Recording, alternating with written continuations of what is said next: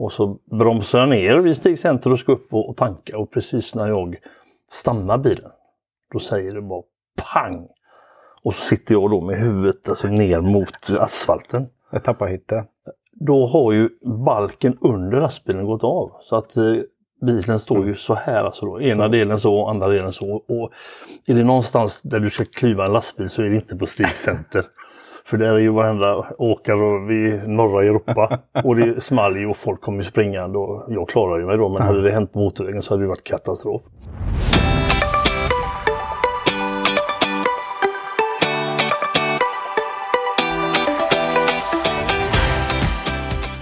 Hej och välkommen till en podd om yrkesstolthet. Det har varit ett litet uppehåll för mig. Jag har inte riktigt hunnit med att spela in här men nu har jag ett avsnitt som jag sett fram emot oerhört länge. Och det är en intervju med Urban Wallin som är grundare och VD på Svensk Bygglogistik. Han är inte bara företagare utan han har faktiskt startat en hel yrkeskår. Ja, jag heter Samuel Lindén och jag har skapat den här podcasten för att jag är löjligt nyfiken på livet och människor och speciellt yrkeslivet. Hej Urban! Hej Samuel! Verkligen kul att få vara här. Vad trevligt att ha det här. Vi känner varandra ganska väl. Det gör vi. Eh, Jag började jobba för dig 2007 första gången. Det är så länge sedan ja. Och då pluggade jag fortfarande på Chalmers. Och sen jobbade vi ihop ganska många år och sen så har vi gått eh, lite... Eller jag gick skilda vägar. Ja, jag har inte gått någon annan väg. Det vill jag lova. Och sen kom eh, faktiskt tillbaks här i våras och nu jobbar vi ihop igen. Eh, Den här gången jobbar jag som, som konsult tillsammans med dig och kollegorna på Bygglogistik. Så jag vill ha en full, full disclaimer men det behöver inte betyda att jag inte ställer dig mot väggen. Nej, så är det. Du är ju inte anställd så att du, exakt. du får fråga vad du vill. Ehm, och det är lite extra kul att vi spelar in det här eh, avsnittet också eftersom vi kommer använda lite material för Bygglogistiks sociala mediekanaler. Lite marknadsföring och sådär. Yes. Så att vi, vi är inte sminkade men det finns kameror och belysning och det känns allmänt bra tycker jag. Vi behöver inte sminka oss Samuel. Vi, vi ser bra ut ändå. Det är, det, är lätt för, det är lätt för dig att säga. Så är det. Kan du berätta lite grann för lyssnarna om vem eh, Urban Wallin är? Ja, Urban Wallin som sagt. Jag är eh, VD, grundare av eh, Svensk Bygglogistik. Och eh, har väl kört det här racet i 22 år. Och eh, idag är vi lite på, på riktig frammarsch känns det Mm. som. Född och uppvuxen i krokarna. Ja, född och uppvuxen i eh, Sävedalen utanför Göteborg. Se- Och eh, Sävedalen i Göteborg eller Partille? Partille. Ja, Titta. Jajamensan. Eh, och eh, har egentligen bott här i hela mitt liv. Jag vet ju det som känner dig lite grann. Du har ju fortfarande ganska bra kontakt med många av dina barndomskompisar. Så är det. Det finns, det är ju svårt att se, men det finns två pokaler här på kontoret. Jajamän. En stor och en liten. Kan du berätta lite om dem? Det är ju då faktiskt så mycket som Tramsmästerskapet. Där vi eh, varje år den sista lördagen i maj korar årets bästa idrottsman och eh, även årets sämsta. Och det startade vi någon gång i slutet på 80-talet, 89 tror jag. Mm. Och då var det gamla barndomskompisar, klasskompisar från skoltiden. Och redan då så tänkte vi så här att då träffades vi tre, fyra gånger i veckan. Vi bodde ju nästan ihop men när vi är 50 år va, eller 60 som vi snart närmar oss. Då kanske det bara är den här dagen på året som vi träffar ett flertal av de här. Då. Vi är tio stycken.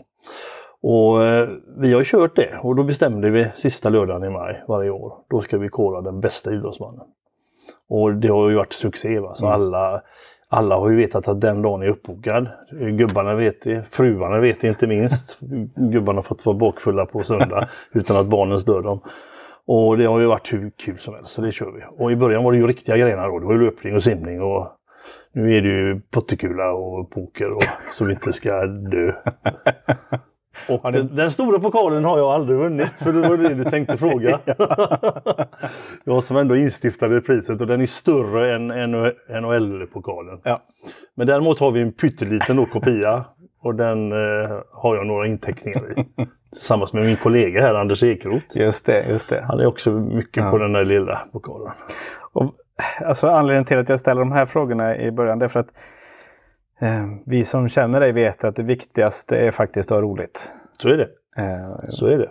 frihet under ansvar fick man lära sig tidigt när man började jobba på bygglogistik. Det är, det är så människor som kan, som kan hantera det jobbar absolut bäst på det sättet. Och det är också därför det finns ett stort biljardbord. Ja, det kanske syns. jag vet inte. Det kanske kan synas om inte annars så lägger jag upp någon bild på det. Det har varit med i alla år. Ja. Så det har det varit. På fem olika ställen som vi har bott på. Och vi befinner oss nu på Ullevigatan 19. Eh, ganska centralt i Göteborg och på 13 våningen hade du en väldigt, ett väldigt speciellt krav också när kontoret byggdes. Mm. Dels ville vi ha den översta balkongen. Så vi ser ut över Nya Ullevi här. Och eh, sen ville vi ha då plats för biljardbordet. Mm. Och så ville vi ha en bastu. Just det. Och det var ett udda krav. Eh, Jag vet konstruktören, han frågade om jag var finne. Eh, nej, men jag, vi ska ha en bastu för det är där vi kläcker de riktigt bra idéerna. Just det. Och det var inga problem för NCC att bygga en bastu åt dig? Nej, inte så länge vi betalar. En fet hyra. En C4, ett långt kontrakt löser det mesta i byggbranschen. det gör det. Vi ska gå in och prata lite, lite jobb och yrkesstolthet också. Men jag har faktiskt hört att du har kluvit en lastbil en gång. Det måste du Det har du hört ja. Ja, det har jag faktiskt gjort. Jag är nog en, ensam om det i, lastbilens historia. Scania eh, försökte ju sopa detta under mattan. Eh, jag kommer körande på... Det är var ju- preskriberat nu. Ja, det är det. mm. Det här är ju nästan 30 år sedan. Det var då jag körde lastbil på en bygghandel i Göteborg. Och, eller det är väl snart 35 år sedan. Och eh, så kör jag på Stig Center, Hisingen, på väg eh, till eh, vårt lager då, som låg längre ut. Och så bromsar jag ner vid Stig Center och ska upp och, tanka. Och precis när jag stannar bilen, då säger det bara pang! Och så sitter jag då med huvudet alltså, ner mot asfalten Jag tappar hytten. då har ju balken under lastbilen gått av. Så att eh, bilen står ju så här alltså då. Ena delen så andra delen så. Och är det någonstans där du ska klyva en lastbil så är det inte på Stig Center. För där är ju varenda åkare i norra Europa. Och det small ju och folk kommer springande och jag klarar ju mig då. Men hade det hänt på motorvägen så hade det varit katastrof. Och då får jag ringa min chef i alla fall och så jag var ju ingen bra lastbilschaufför. Så jag hade ju haft sönder lite grejer innan också. Men så ringde jag till honom att eh, du får nog komma Lars för att jag har kört sönder bilen. Och, ja, men kom hit så fixar vi. Ja, jag kan... Nej, det blir nog bärgningsbil. Men kör hit med bärgaren då. Men ska bägge bärgarna dit så? Vadå bägge? Ja, det är ju en för bakdelen och en för fram. Jag kommer! och, så, och så kom ju han då och då var det ju avspärrat. Polis och det var ambulanser där och det var ju ett otroligt pådrag. Ja. Och Scania tog ju bilen då och konstaterade att den balken hade spruckit och det har ju aldrig någonsin hänt. Nej. Det är ju en massiv då 15 mm stålbalk. Och den var inte, inte överlastad heller så du... inte då. Kranen satt där bak och vi körde Ja. ut gips och så kanske vi inte slarvade lite med de här stödbenen ibland, jag vet inte. Den gick av i alla fall. Ja. Vi, vi pratar mycket om säkerheten först på bygglogistik idag i alla fall. Detta är länge sedan. Ja, jag brukar, jag brukar alltid säga det när vi pratar om, om de här eller om bygglogistik och säkerheten. Att förut var det tur, nu är det mera struktur i säkerhetsarbetet. Så är det. I, idag är vi extremt bäst i klassen på det. Ja. Vilket vi måste vara. Ehm, om vi går till eh, pudelns kärna, det här med bygglogistik. Då. Hur kommer det sig att Mm. du startade bygglogistik? Mm, ja, det är ju lite grann då, då är vi tillbaks till den här tiden då i början på 80-talet när jag har gjort lumpen och så började köra lastbil på en och sen kompis pappa som var delägare i min bygghandel. Och eh, jag visste inte vad jag skulle göra med livet men jag ville, ville inte läsa vidare i alla fall. Så jag började där och skulle jobba där några dagar var tanken. Eh, och det är ju snart 40 år sedan nu, 82 var det. Och eh, när jag körde de här grejerna ute då så tyckte jag alltså redan då att det var väldigt konstigt. Vi kom till jobbet klockan sju och då började telefonen att ringa. Och så hade vi ett bord som det här ungefär och där skrev man ut handskrivna order och la dem där och så packade vi dem och så körde vi ut dem. Och så hamnade vi i, i Tingstadstunneln där någon gång halv nio. Och alla Göteborgs 25 bygghandlare hade två, tre lastbilar och alla satt där. Hälften skulle norrut, hälften söderut. Vinkade lite till varandra.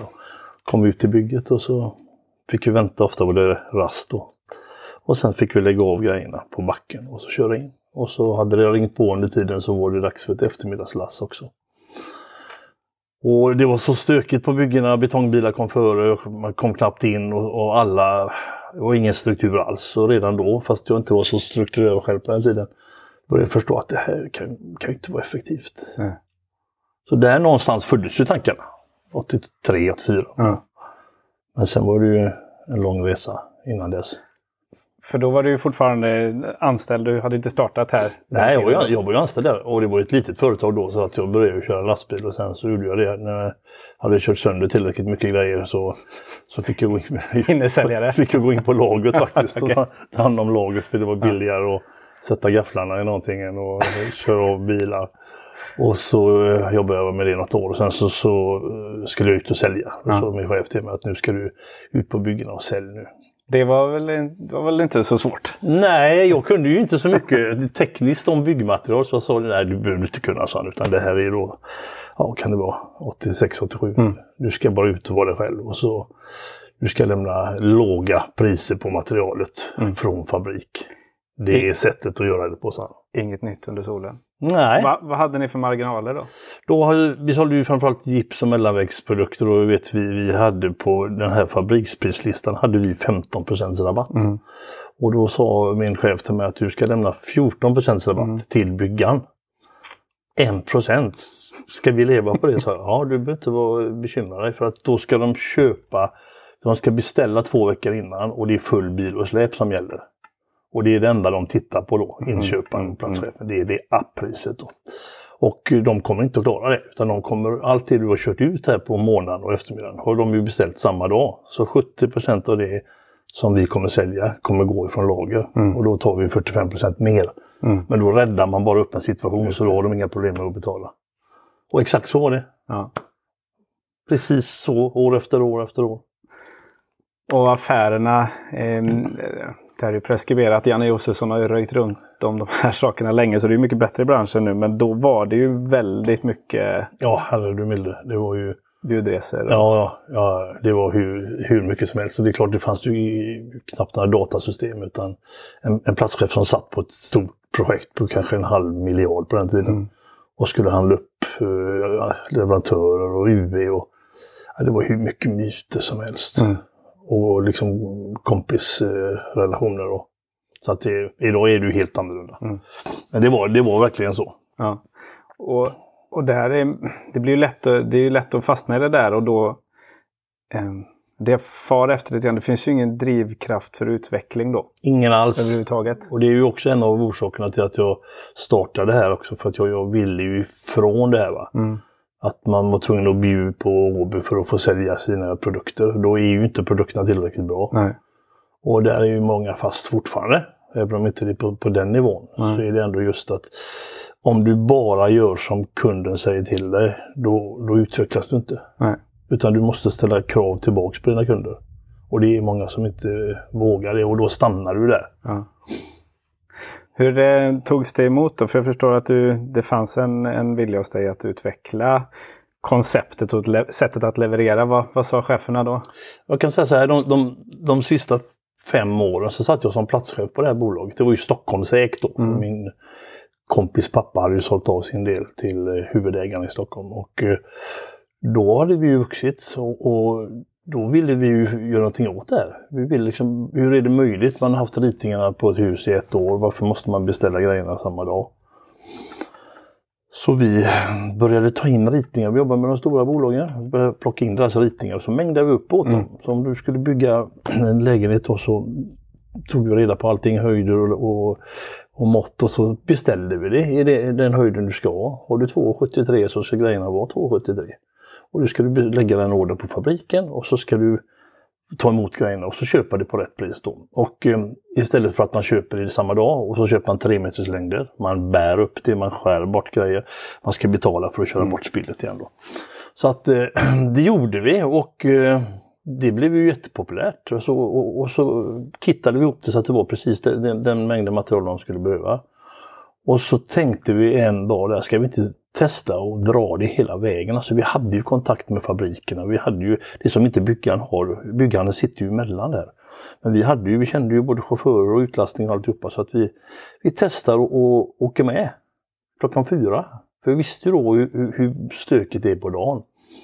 Så när vi, vi, vi tog en truck lite bockar och vagnar, ingen kärnfysik. Vi hade kontakt med chauffören.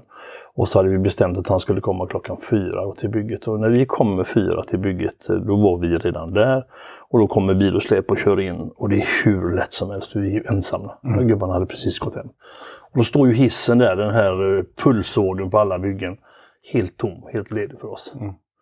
Så det kan ha varit någon gång 97 eh, kan jag tänka mig.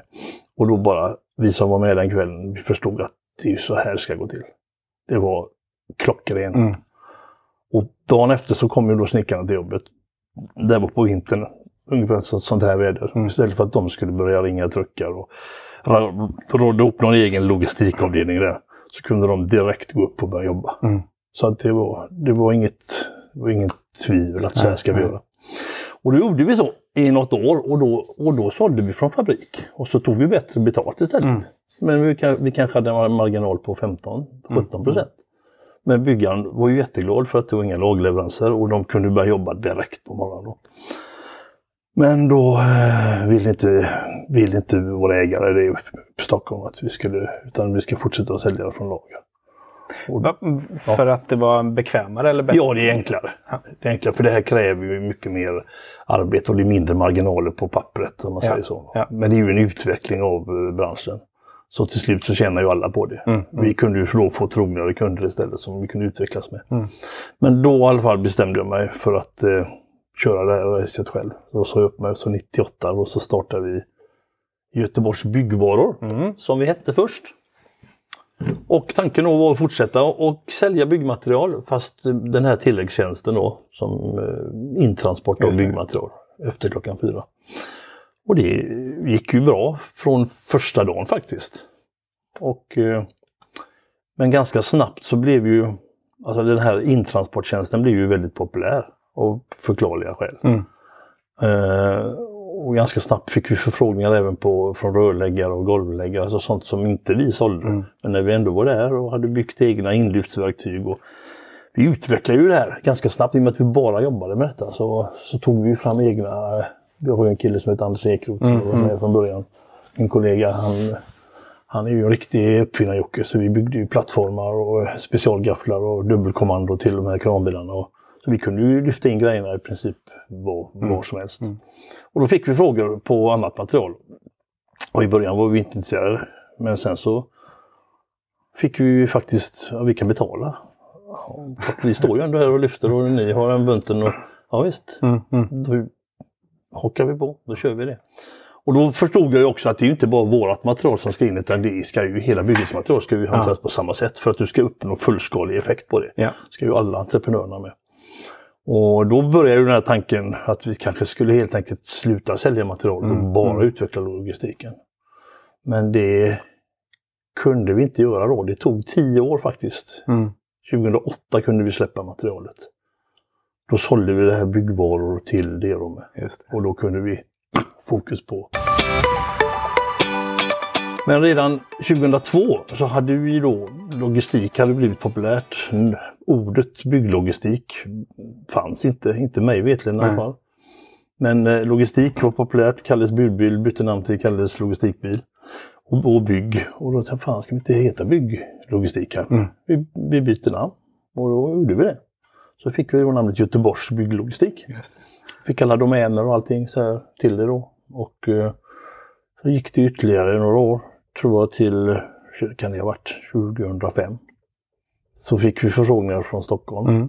Och eh, det fanns ingen plan i det alls att vi skulle ut i världen. Men vi jobbar ju mycket med PR på Skanska och NCC och de, deras inköpare från Göteborg sa väl att det, här, här jobbar vi på det viset. Ja.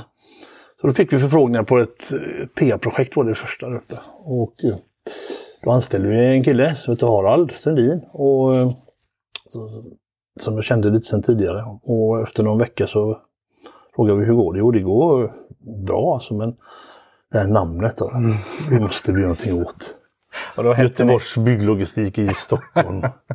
Eh, det är ju som att heta AIKs byggvaror i Göteborg. Ja. Eh, så att då bytte vi namn till Svensk bygglogistik. Ja. Och som vi hetat sedan dess då. Just det. Och i, Sto i Stockholm sålde vi aldrig något byggmaterial utan där började vi renodlat med logistik. Mm, mm. Och Harald finns ju fortfarande kvar i branschen nu. Jajamän, på... Harald var med oss länge. Jag tror det är nog bara två eller tre år sedan. Ja. Och nu är han på Kramo och utvecklar deras logistik, bygglogistik. Och det kan man väl säga generellt hur många det är. För bygglogistik är ju verkligen på tapeten i branschen Mm. idag. Liksom. Nu har polletten trillat ner. Ja. Och hur otroligt många det är som kommer från svensk bygglogistik. Ja.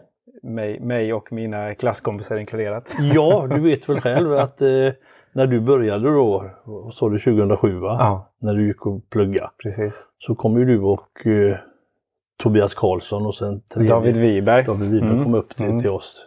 Jag hade googlat upp bygglogistik va? Ja, jag kan ju, kan ju förklara det där lite grann. Vi, vi, eh, det var ju tredje året på Chalmers vi skulle skriva ett kandidatarbete. Ja. Och vi var ju fattiga, lata studenter. Vi kunde inte riktigt komma överens. Men vi hade en bra professor, Per-Erik Josefsson, som tyvärr inte finns med oss längre. Han gick bort för några år sedan. Mycket tråkigt. Ehm, han, sa, han sa så här att ni läs byggindustrin, tidningen, plocka ut intressanta artiklar och så kategoriserar ni det. Så gjorde vi det. Och så hade vi eh, fem huvudspår kvar. Vi valde varsin favorit och det var olika. Så slängde vi dem och så lottade vi de två sista. och det var internationella inköp och effektivisering. Så det var egentligen ingenting vi var intresserade av. Det är lätt för tråkigt. Det lät för tråkigt. Men så gjorde vi en snabb googling och så hittade vi det här. För vi hade under studietiden aldrig hört talas om bygglogistik. Alltså termen fanns inte. Man pratade planering och materialförsörjning och Ja. produktionsteknik såklart. Och, och lin och allt. Ja, exakt. Men inte liksom den, det ordet. Så hittade vi att ni satt ute i Mölnlycke, så det var nära nog. Så tänkte vi, den där...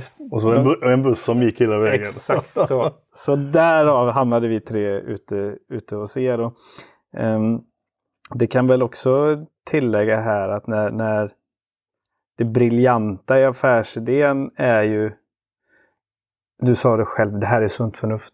Det är, Det är superenkelt. Men det briljanta är att inte göra det när alla andra är där och, och slåss om uppmärksamheten. Så vi fattade ju det ganska fort efter intervjun där. eh, För exjobbet. Så frågade ni om vi kunde tänka oss att jobba lite extra. För det var ju så att fram till dess då, då hade vi hållit på i nio år. Mm. Och eh, problemet med det här var ju att eh, få folk till det här. För i början var vi ju själva. Vi jobbar ju då både dagar och Mm. kvällar. Vilket man lätt gör när man startar ett Ja. bolag. Är- Och sen fick vi då, eh, så växte det och då tog vi in kompisar och kompisars barn och fotbollslag och brandsoldater och inte fan allt vad vi hade då. För att vi skulle fixa detta. Och men när, när du och dina kompisar kom in där och vi hade dratt konceptet och då tittade vi på varandra. Jag tror vi kom på det ungefär Ja. samtidigt. Varför jobbar inte ni här? Det finns tusen studenter i Göteborg som läser byggrelaterat och ska ut på byggena.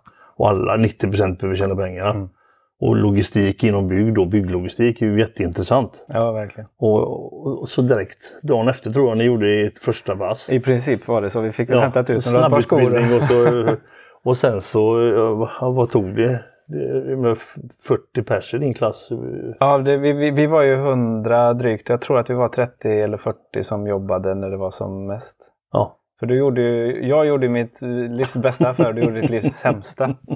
Ett år senare när, när det var så mycket så fick jag ju frågan om jag kunde sköta rekryteringen och bemanningen.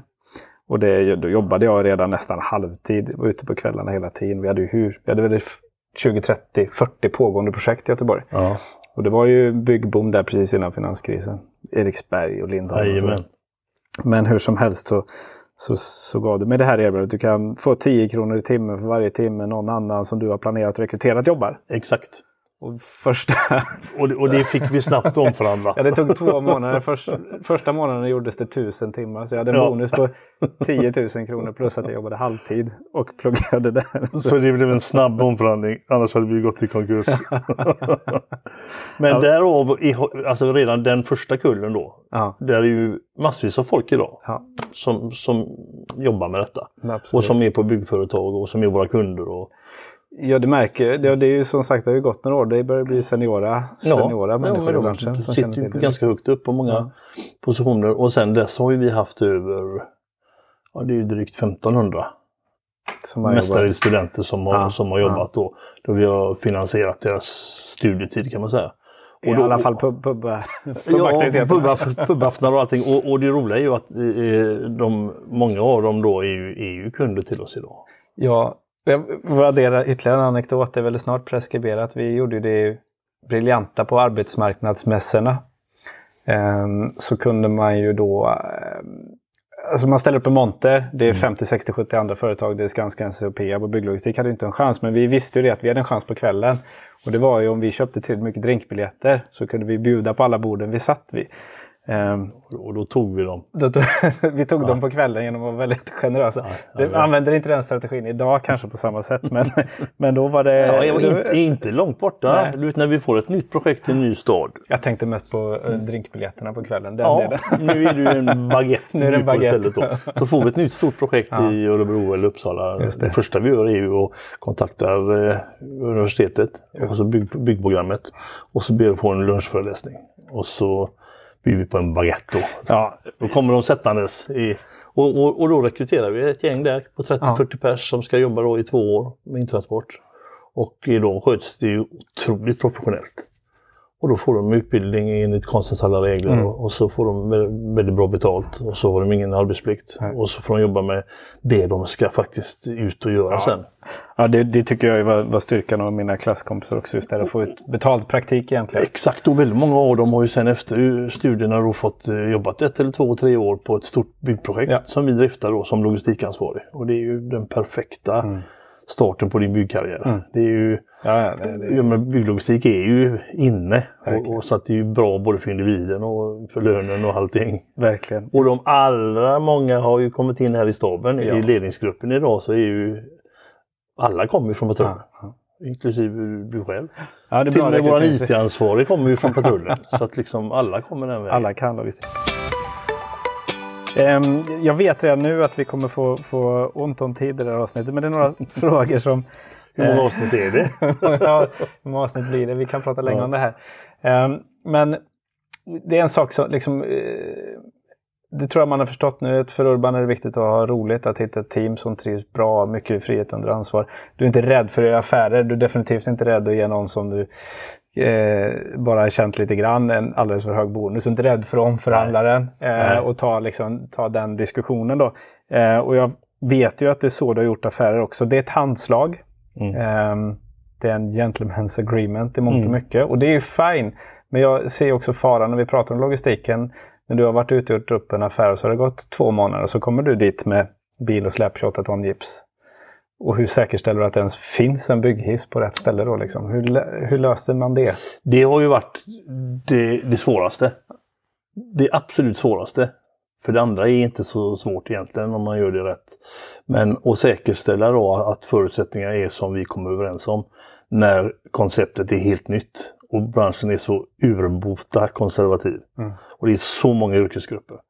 Det har ju varit den tuffaste delen. Och det fick vi ju lära oss då ganska tidigt att eh, vi måste börja hitta någon form av kontraktshandling på det här. Så vi började ju att skissa upp då hur, hur vad hissen skulle stå och hur vägarna skulle se ut runt kåken så att man kom in med, och ut med bil och släp. Och, och så började vi ganska snabbt då att lämna fastpriser på våra entreprenader, alltså kollektivpriser. Vi visste ju det kommer kosta så här mycket om förutsättningarna är så här. Och så signade vi det, så var vi överens om det. Och då kallade vi det för, ska ha ett namn på det då, logistikanalys blev det ju. Jag var för långt med bygglogistik. Ja, exakt. Så det blev en logistikanalys. Eh, Och, och, och det var ju vår kontraktshandling. Så att, eh, och det var ju fine då, men sen insåg vi också att vi måste ju hjälpa dem att bevaka detta. För att det var ju svårt för platschefen, han har ju 10 000 andra saker. Så rätt snart där så började vi faktiskt att erbjuda logistikansvariga som, som, som var på projektet Mm. på heltid på, på dagen. Då de bara ägnade sig åt de här logistikfrågorna. Alltså en, fråga som inte hade funnits innan. Nej. Och det är klart att det blir ju det blir svårt att betala helt plötsligt för någonting som man, man inte vet. Och det som man har klarat sig Nej, utan precis. innan då. Men då, under tiden som det här växte fram så fick ju vi, du nämnde Per-Erik Josefsson Mm. förut. En underbar gubbe, ja, professor på Chalmers som tyvärr inte finns längre. Men när han presenterade då sina, sin undersökning på alla sina examensarbeten och hur då en byggnadsarbetare faktiskt, hur dagen ser ut. Då det går två tidsstudiepersoner bakom och gör en notering Mm. varannan minut på ett väl fungerande bygge. Då gubbarna vet att de här studenterna är där. Och då 17,5 procent i värdeskapande Mm. arbetstid. 17,5 procent, då tillför du ett värde. Då monterar du Mm. väggen eller lägger golvet eller sätter under taket. Resten är kringkostnader. Och den absolut största delen då, det är ju den här stapeln på 25,8 procent som är väntan. Mm. Då gör du ingenting. Då väntar du. Den största delen på väntan det är på material och byggis och så diverse andra faktorer. Men så på ett stort projekt då, om vi jobbar på ett sjukhus, det kanske är en miljon mantimmar där. Så 25 procent av den tiden, 250 000 timmar, Ja. då väntar man. Mm. Så att det finns ju otroligt mycket pengar. Mm. 250 000 timmar gånger 400, det är Ja. 100 miljoner. Ja. Alltså, så vi tar ju inte pengar, Nej. utan vi tillför ju någonting. Det kostar lite Mm. för att få det i värdet. Ja, Så fördubblar de sin effektivitet till Ja. 35 procent, vilket vi ser i massa undersökningar. Att det räcker att vi tar hand om grejerna så, så fördubblar ni er produktivitet. Så att alla tjänar ju på det. Mm. Ingen förlorar på det. Och det var ju det som var det svåra för oss i början. Och, och, och varför ska man betala för någonting som man har både gubbar och kranar tycker man då. Vi har ju redan det, ska vi betala en gång till? Jo men då får du ju upp den här effektiviteten istället. Mm. Och platscheferna kunde förstå det. Men sen när fakturan gick vidare upp till arbetschefer och så där, varför har du köpt det här? Du har ju redan. Så att det, det hela är ju en filosofi och man måste förstå det. Man måste förstå helheten. Och, och det, sen har det också varit jättejobbigt för dem att de inte har kunnat jämföra med något annat. Och då, Nej. och då blir byggaren, då blir man rädd. Kan vi köpa detta? Jag är bort med nu. Mm. Köper du en billig gipsskiva då kan ingen hänga Nej. dig. För bara apppriset är rätt då. Va? Och sen ser ingen alla de här kringkostnaderna. Men det, och det där är ju det är inte bara i byggbranschen, det där är ju generellt. Det ligger är i människans det, natur. Det, det är jätteläskigt. Ja. Ja, ingen hänger dig om du köper ett billigt Nej, appris. precis. Och totalkostnaden är svår att hitta. Ja. Men den har ju vi hittat då. Och det är ju därför då som vi förstod att får vi en person på heltid på projektet som bara ägnar sig åt det här och som ser till att leverantörerna och alla vet vad som gäller, då kan ju kedjan funka. Och det har ju blivit praxis på alla stora byggprojekt i dagsläget. Ja. Så finns det någon som är logistikansvarig. Sen hur mycket de kan om logistik, det är en annan, det är en annan femma. Men, men alltså eh, titeln är ju... Titeln är där, titeln är där. Och det är klart att om vi tittar då på, på, på hur, hur ser leveranskedjan ut? Alltså, en av de stora problemen i byggbranschen är ju att byggaren har ju aldrig ägt sin leverans. Nej. Han har aldrig ägt sina leveranser. Det är ju helt otroligt. Alltså, inte ens de största bolagen Mm. Nej. äger dem. Utan du har en beställare. Beställaren tar in en byggare. Mm. Byggaren tar in 40 underentreprenörer. De lägger sin order på bygghandeln eller hos en grossist. De skickar ordern vidare till en fabrik, till en tillverkare. De i sin tur tar in en, eh, en distributör som tar in ett åkeri som tar in en chaufför. Och då ska han vara där klockan 20, Mm. 14.40. Mm. Och, och det är så många led på vägen och ingen äger detta. Mm. Utan de kommer när det passar dem. När det det som passar deras Just rutt bäst. Va? Precis. Och så, hur de får, får på mest grejer på bilen. För allting, allting har ju köpts fritt levererat. Mm. Så byggaren vet inte om att de har en fraktkostnad utan det ligger inbakat i materialet. Och det är ju ett jätteproblem. Ja. Sen upplever jag att det, det händer ju rätt mycket där också de sista åren. Att fler och fler börjar adressera den typen av problematik och, och förstår vikten av det. Men, men eh, de får ju fortfarande slåss Ja. och kämpa emot det i mångt och mycket. ja. En fråga som tyck, jag, är lite, jag tycker är lite intressant och som jag har eh, stor respekt för, inte så enkelt. Och det är just kopplat till, liksom, till facken, till byggnad specifikt då i, i Ja. våran bransch. Och det vet jag att det har varit utmaningar. Trots att Byggnads har stått på din sida. Exakt, alltså det, det första jag gjorde när vi hade startat bolaget. Det var att kontakta Byggnads här i Göteborg och för att berätta vad vi höll på med. Så att de skulle veta det. Och så frågade jag om vi behövde något eh, avtal med dem. Mm. Och så, men ja, det var ju nytt för dem också och de, idén var ju jättebra tyckte de. Och, och ni bygger ingenting? Nej, vi bygger absolut ingenting. Nej, då behöver vi inget avtal heller. Utan, eh, ja, och, och sen körde vi på. Mm. Och vi hade kontakt med Byggnads i andra frågor. När 900 gipsen kom istället för, för 1200 gipsen så var det ju många som inte ville köpa den för att Mm. den var för dyr. Men då frågade Byggnads oss, eh, finns det eh, isolering som passar? Finns det ljudkrav som klarar sig? Ja, det kunde vi hjälpa till. Och så vi hade en jättegod dialog. Men sen när vi kom ut i Sverige på andra projekt så, så hade vi ju ingen kontakt med, med Byggnads direkt. Och, och, men vi körde ju på och vi skötte ju allting exemplariskt bra. Vi har ju till dags dato genomfört över 20 000 intransporter. En bruten tumme är den allvarligaste personskadan på alla de här. Och det är ju för att vi gör det professionellt och vi verkar på kvällen med utvilat folk. Och vi har en plan för hur vi ska göra. Men eh, så vi fick lite konflikter med Byggnads i Stockholm eh, och fick reda upp lite hur vi skulle göra. Och, som vi la upp spelet då egentligen för att inte, för att inte störa byggavtalet. För, för där är det ju heltidsanställning som Mm. gäller. Så startade vi ett dotterbolag som heter Logistikpatrullen, oss då. Och eh, vi är då medlemmar i Transport och har gått på tra- transportarbetaravtalet. Och där är den här anställningsformen då möjlig på kvällen. Ta in, ta in studenter eller någon som har en annan huvudsaklig sysselsättning som kan jobba extra då. Och så följer vi alla de avtalen och de kostnader som, Mm. som det medför. Det är inga problem alls. Nej. Nej, för det har ju aldrig varit en, det är inte en lönefråga, det är inte en kostnadsfråga eftersom man är så mycket mer effektiv. Absolut inte. För oss är det inte alls det. Utan vi, vi lämnar ju fasta kollopriser utifrån förutsättningarna. Ja. Så, det är ju som en entreprenad. Ja. Och eh, vi, vi räknar in de kostnader vi har. Så skulle liksom, jag hoppas ju, alltså det allra bästa hade ju varit om Byggnads och byggindustrin eller byggföretagen som de heter idag kunde enas så att det, det här kom in i byggavtalet. Mm. Så att eh, med bra löner. För att det här ska ju inte vara någon lönedumpning på något vis utan det är bara en annan yrkeskategori. Bygglogistiker.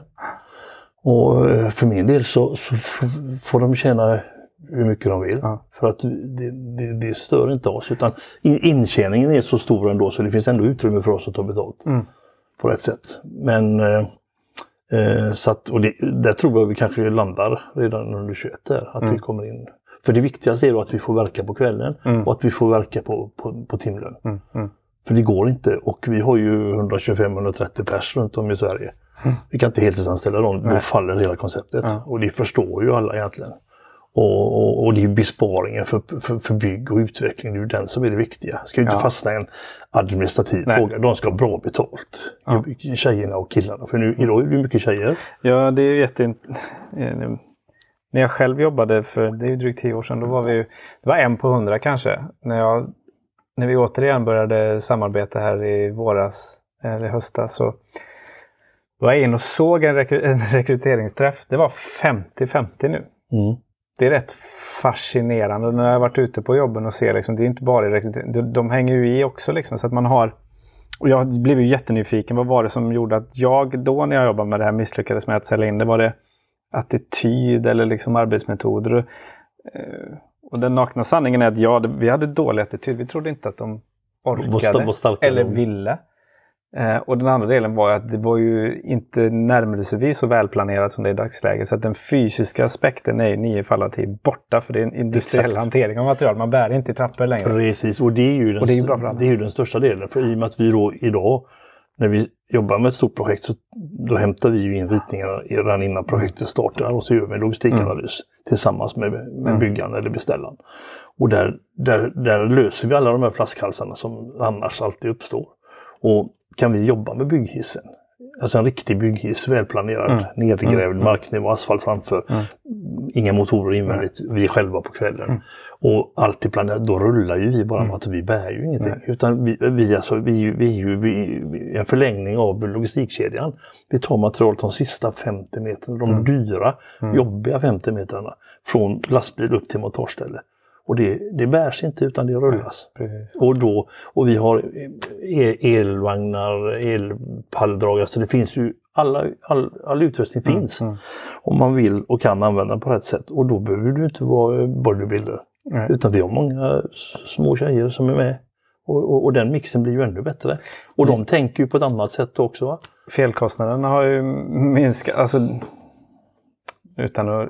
Utan jag vet ju hur vi köttade själva utan att tänka efter när vi var ute. Man jobbade ju Mm. beting liksom. Och jag, det, är en helt, det är en helt annan typ av organisation på arbetsplatsen.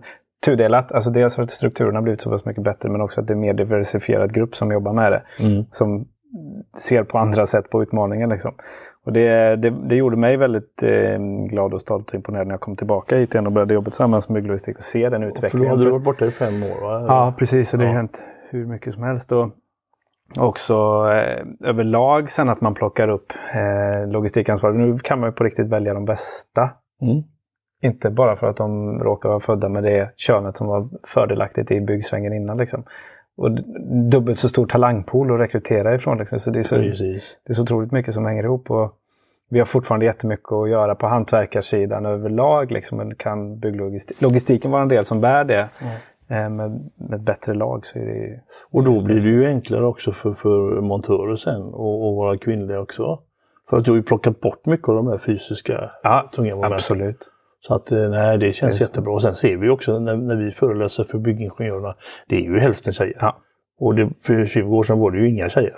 Nej. Så att det- och det är ju skitbra för då, då kommer ju ett annat mindset in också. Mm. Då blir det ju självklart en större bas att rekrytera från men även då ett, annat tugg. Ja. Det blir ju bättre ur alla aspekter. Så, så det är jättebra. Ehm, om vi tittar på eh, originalet sedan 1998. Ja, det är vi ju då. Och det, det, för att ni var först, hur kan du, hur, hur kan du sitta och säga något sånt Urban? För att det är exakt så det är. Ja. Så, Nej men det är ju, idag då har ju bygglogistik blivit ett begrepp och blivit väldigt populärt. Och Mm. Alla vill ha det, alla vill prata om det, Eh, bygghandlare vill eh, profilera sig med och sådär. Men, men ytterst få vet ju ändå vad det är. Och det märkte du också när du kom Mm. tillbaka. Liksom, då har du varit ute och varit eh, VD för byggbolag och allting. Mm. Det är ju, alltså kunskapen, namnet florerar nu, men kunskapen om och, och jobbet som det krävs, alltså förberedelserna och allt det här. Det är ju ytterst få som, som vet det. Och som orkar underkasta sig det. Och väldigt många idag pratar bygglogistik när det är logistik, alltså vanlig logistik. Du, du, du har en terminal, du lossar med en truck och, och packar om det och skickar ut det igen. Det är väl inget nytt. Nej. Eller du tar in ett bärarlag till Mm. bygget som är där på dagtid eller kvällstid. Men det är ju bara armar och ben. Mm. Är det inte genomtänkt från början så uppnår du ju ingenting med de här 17,5 procenten. Och därför vill jag ju verkligen trycka på det att bygglogistik då, som vi är originalet sedan 98, det är en he- helt egen filosofi. Och om du plockar delar av det som liksom billig, billig arbetskraft som bär eller städbolag eller eh, åkerier som är där. Det, det är inte deras core business. Det här är ju våran. Vi äter, sover, skiter bygglogistik. Allihopa är och har gjort det i 22 år. Så det är klart som fan att det utvecklas. Va? Så det är, det är, samtidigt som det är roligt att- att det, det kommer bygglogistik, alltså begreppet, så, så ibland blir jag lite sur också att inköpare bara skickar ut en förfrågan på bygglogistik utan att veta egentligen vad det är och vad det ska kosta. Och så blir det en apprisfråga igen då. Ja. Och då kliver vi undan. Då, då är vi inte intresserade. Ja, för det finns ju alltid någon som kan presentera ett lägre timpris på att få jobbet gjort. Men Alltid. hur lång tid tar det? Och, då? och då är man ju tillbaka i, i byggbranschens akilleshäl. Att appriset ska styra. Mm. Och då är det inte intressant. Alltså vi, vi ska ha jävligt bra betalt för våra Mm. produkter. Men vi ska se till att byggaren ska tjäna minst lika mycket som vi tjänar på det. Mm. Och det är ju då det, det, är då det fungerar. Och då måste man jobba. Det är ju partnering i absurdum. Vi kan inte göra någonting själva. Nej. Utan det måste vara så att byggaren måste förstå att det här är bra. Och så hjälper vi till och får, når alla leden med våra instruktioner. Om man tittar på konkurrenssituationen då, så, så jag ser ju två delar. Dels då byggentreprenören eller eh, som kan det själv då, tillsätter en egen logistikansvarig.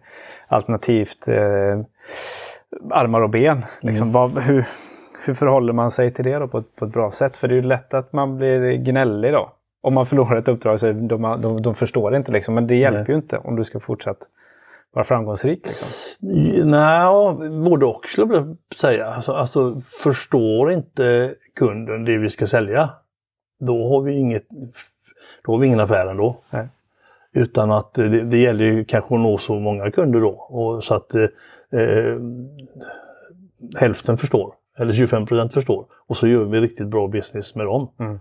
Och så utvecklas vi med de kunderna. Vi har ju ett gäng alltså, eh, platschefer och projektledare runt om i Sverige som, som vi har eh, gått hand i hand med. Och, och de projekten blir ju så bra när alla vet vad man ska göra redan från början. Så att, eh, och, och, och det är inte så många, men de, de, de Mm. finns där och de blir fler. Så att jag, jag vill inte in på den här liksom, eh, vad ska man säga, eh, dagspris Nej. på logistik. Nej. Det är ingen lagervara. Nej. Det här är något som, alltså, vi, börjar ett, ett år innan projektet eh, börjar byggas. Ja. Det är ju där bygglogistik ska in i bilden. Inte, nu kommer grejerna nästa vecka. Då har du inte uppnått någonting. Nej. Då byter du bara några gubbar mot några andra gubbar. Mm. Det, det, det utvecklar inte någonting. Så eh, och liksom om man ska landa någonstans i visionen för framtiden så handlar det ju dels om att ut, utbilda och utveckla, Ja. att fler förstår vad det innebär på riktigt. Då. Ja. Och så blir det ju lite som om du tänker att vi tar in så mycket studenter som jobbar för oss. De, när de går ut och blir våra kunder sen, då, då är det ju givet för dem. Mm.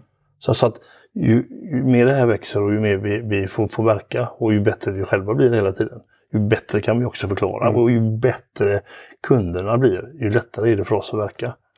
Ja, och så i, i samband med det för, det är liksom, för bolagets egna syften. Så man måste ju inte ha alla Mm. Nej. affärer. Man Nej. ska ju ha rätt affärer. Vi ska ha rätt affärer och vi ska göra ett jävla bra jobb och vi ska tjäna pengar. Mm. Så, så enkelt är det. Va? Och ge sig in i den andra, eh, en omsättning är ju helt meningslös. Mm. Det är ju hur bra bolaget går och hur bra man gör affären och hur bra det blir för kunden. Det är ju, Mm. det, är ju det enda som räknas. Och där är ju jättemånga som inte förstår det. För man lockas av omsättning också, Mm. tycker det är, det är bra, kul att sälja mycket. Och det här, sälja mycket av skruv kan man göra, det blir Mm. bra. Men sälja mycket av det här, du måste ju ha kvaliteten med i varenda detalj. Mm. Så att eh, vi har ju fått tacka nej till många jobb också för att vi har märkt att det här inte... Nästa, vi kan, nästa projekt kan vi vara med på om Mm. vi gör det tillsammans från början. Och, det, och det, det, man stärks ju av det. Alltså, Mm. Kunderna är ju inte vana att få den.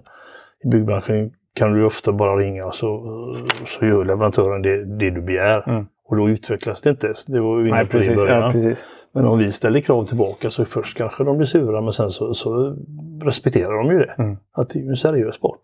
De, de kommer inte bara för att vi kallar. Nej. Om inte det är rätt för bägge parter. Och det är klart, det, där finns ju en gräns då. Då blir man ju lätt kallad för kaxig och, Mm. Mm. och lite sådär dryg. Men det är inte det det handlar om. Det handlar bara om att vi vill mer än gärna vara med och hjälpa Ja. byggena. Men då ska det vara på, på bådas villkor. Mm. Måste vara två för att dansa. Om vi eh, eh, avslutar där, något mer du vill tillägga? Ja, har du inga mer frågor? Jag är full av. Som... Jag får hoppa över några här. Eller ska du iväg på något annat nu? Nej, men vi, jag har ju lovat mina lyssnare att de ska hinna med det på en, tvätt, en timme i tvättstugan. Ja, nej, ja, vad ska jag säga? Eh, nu kör vi ju det här racet och vi, vi, har ju, vi har ju kul, som du sa innan. Mm. Och, och det är det viktigaste av allting. Du kan inte, alltså du kan inte starta ett bolag för att tjäna pengar. De som gör det, de, de, det går inte. Nej. Du måste starta för att du brinner för någonting. Och, för att du, och du måste få med dig dina medarbetare i samma Mm. vision. Det är ju det viktigaste av, av allting. För du kan inte göra allting själv. Då går du bara in i väggen och så blir det bara halv, halvdant allting. Så du måste få de medarbetarna som förstår och som accepterar det. Och då tillsammans då kan man ju ha hur kul som helst. Så att jag har aldrig förstått det där liksom att det ska inte vara tråkigt. Du är på jobbet halva ditt, vakna Mm. liv. Och, och om det är tråkigt då har du inget roligt liv. Mm. Utan jobbet ska ju vara, ska ju vara en glädje.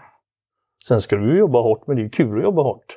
Om du jobbar med rätt saker. Mm. Och, och du slipper alla de här konflikterna och skiten som bara Mm. är alltså, dålig energi. Utan om du gör ditt så kan du få det hur bra som Mm. helst där.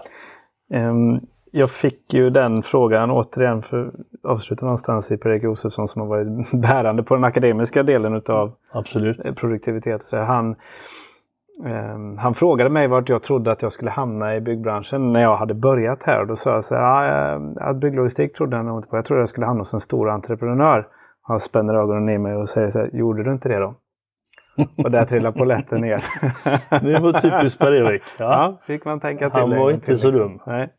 Men han fattar det. Han gjorde det. Och det, nej, det, det, det är häftigt att se allting ur akademin och teorin och praktiken. Allting liksom, eh, kommer ihop på ett bra sätt. Gör det. Ja, hur det kuggar ihop Mm. då. Och det, det är ju bara då någonting blir bra. Ja. När laget funkar, alltså när de olika lagdelarna stämmer. Du kan ha ett hur bra anfall som helst, men har du ett sopigt försvar så hjälper inte det. Det var bra. Du får avsluta med den fotbollsreferensen. för jag vet ju att du är ett stort Liverpool-fan. Ja. och IFK-fan. Ja, Hur gör lyssnaren för att komma i kontakt med Urban Wallin då? Ja de får väl söka upp mig.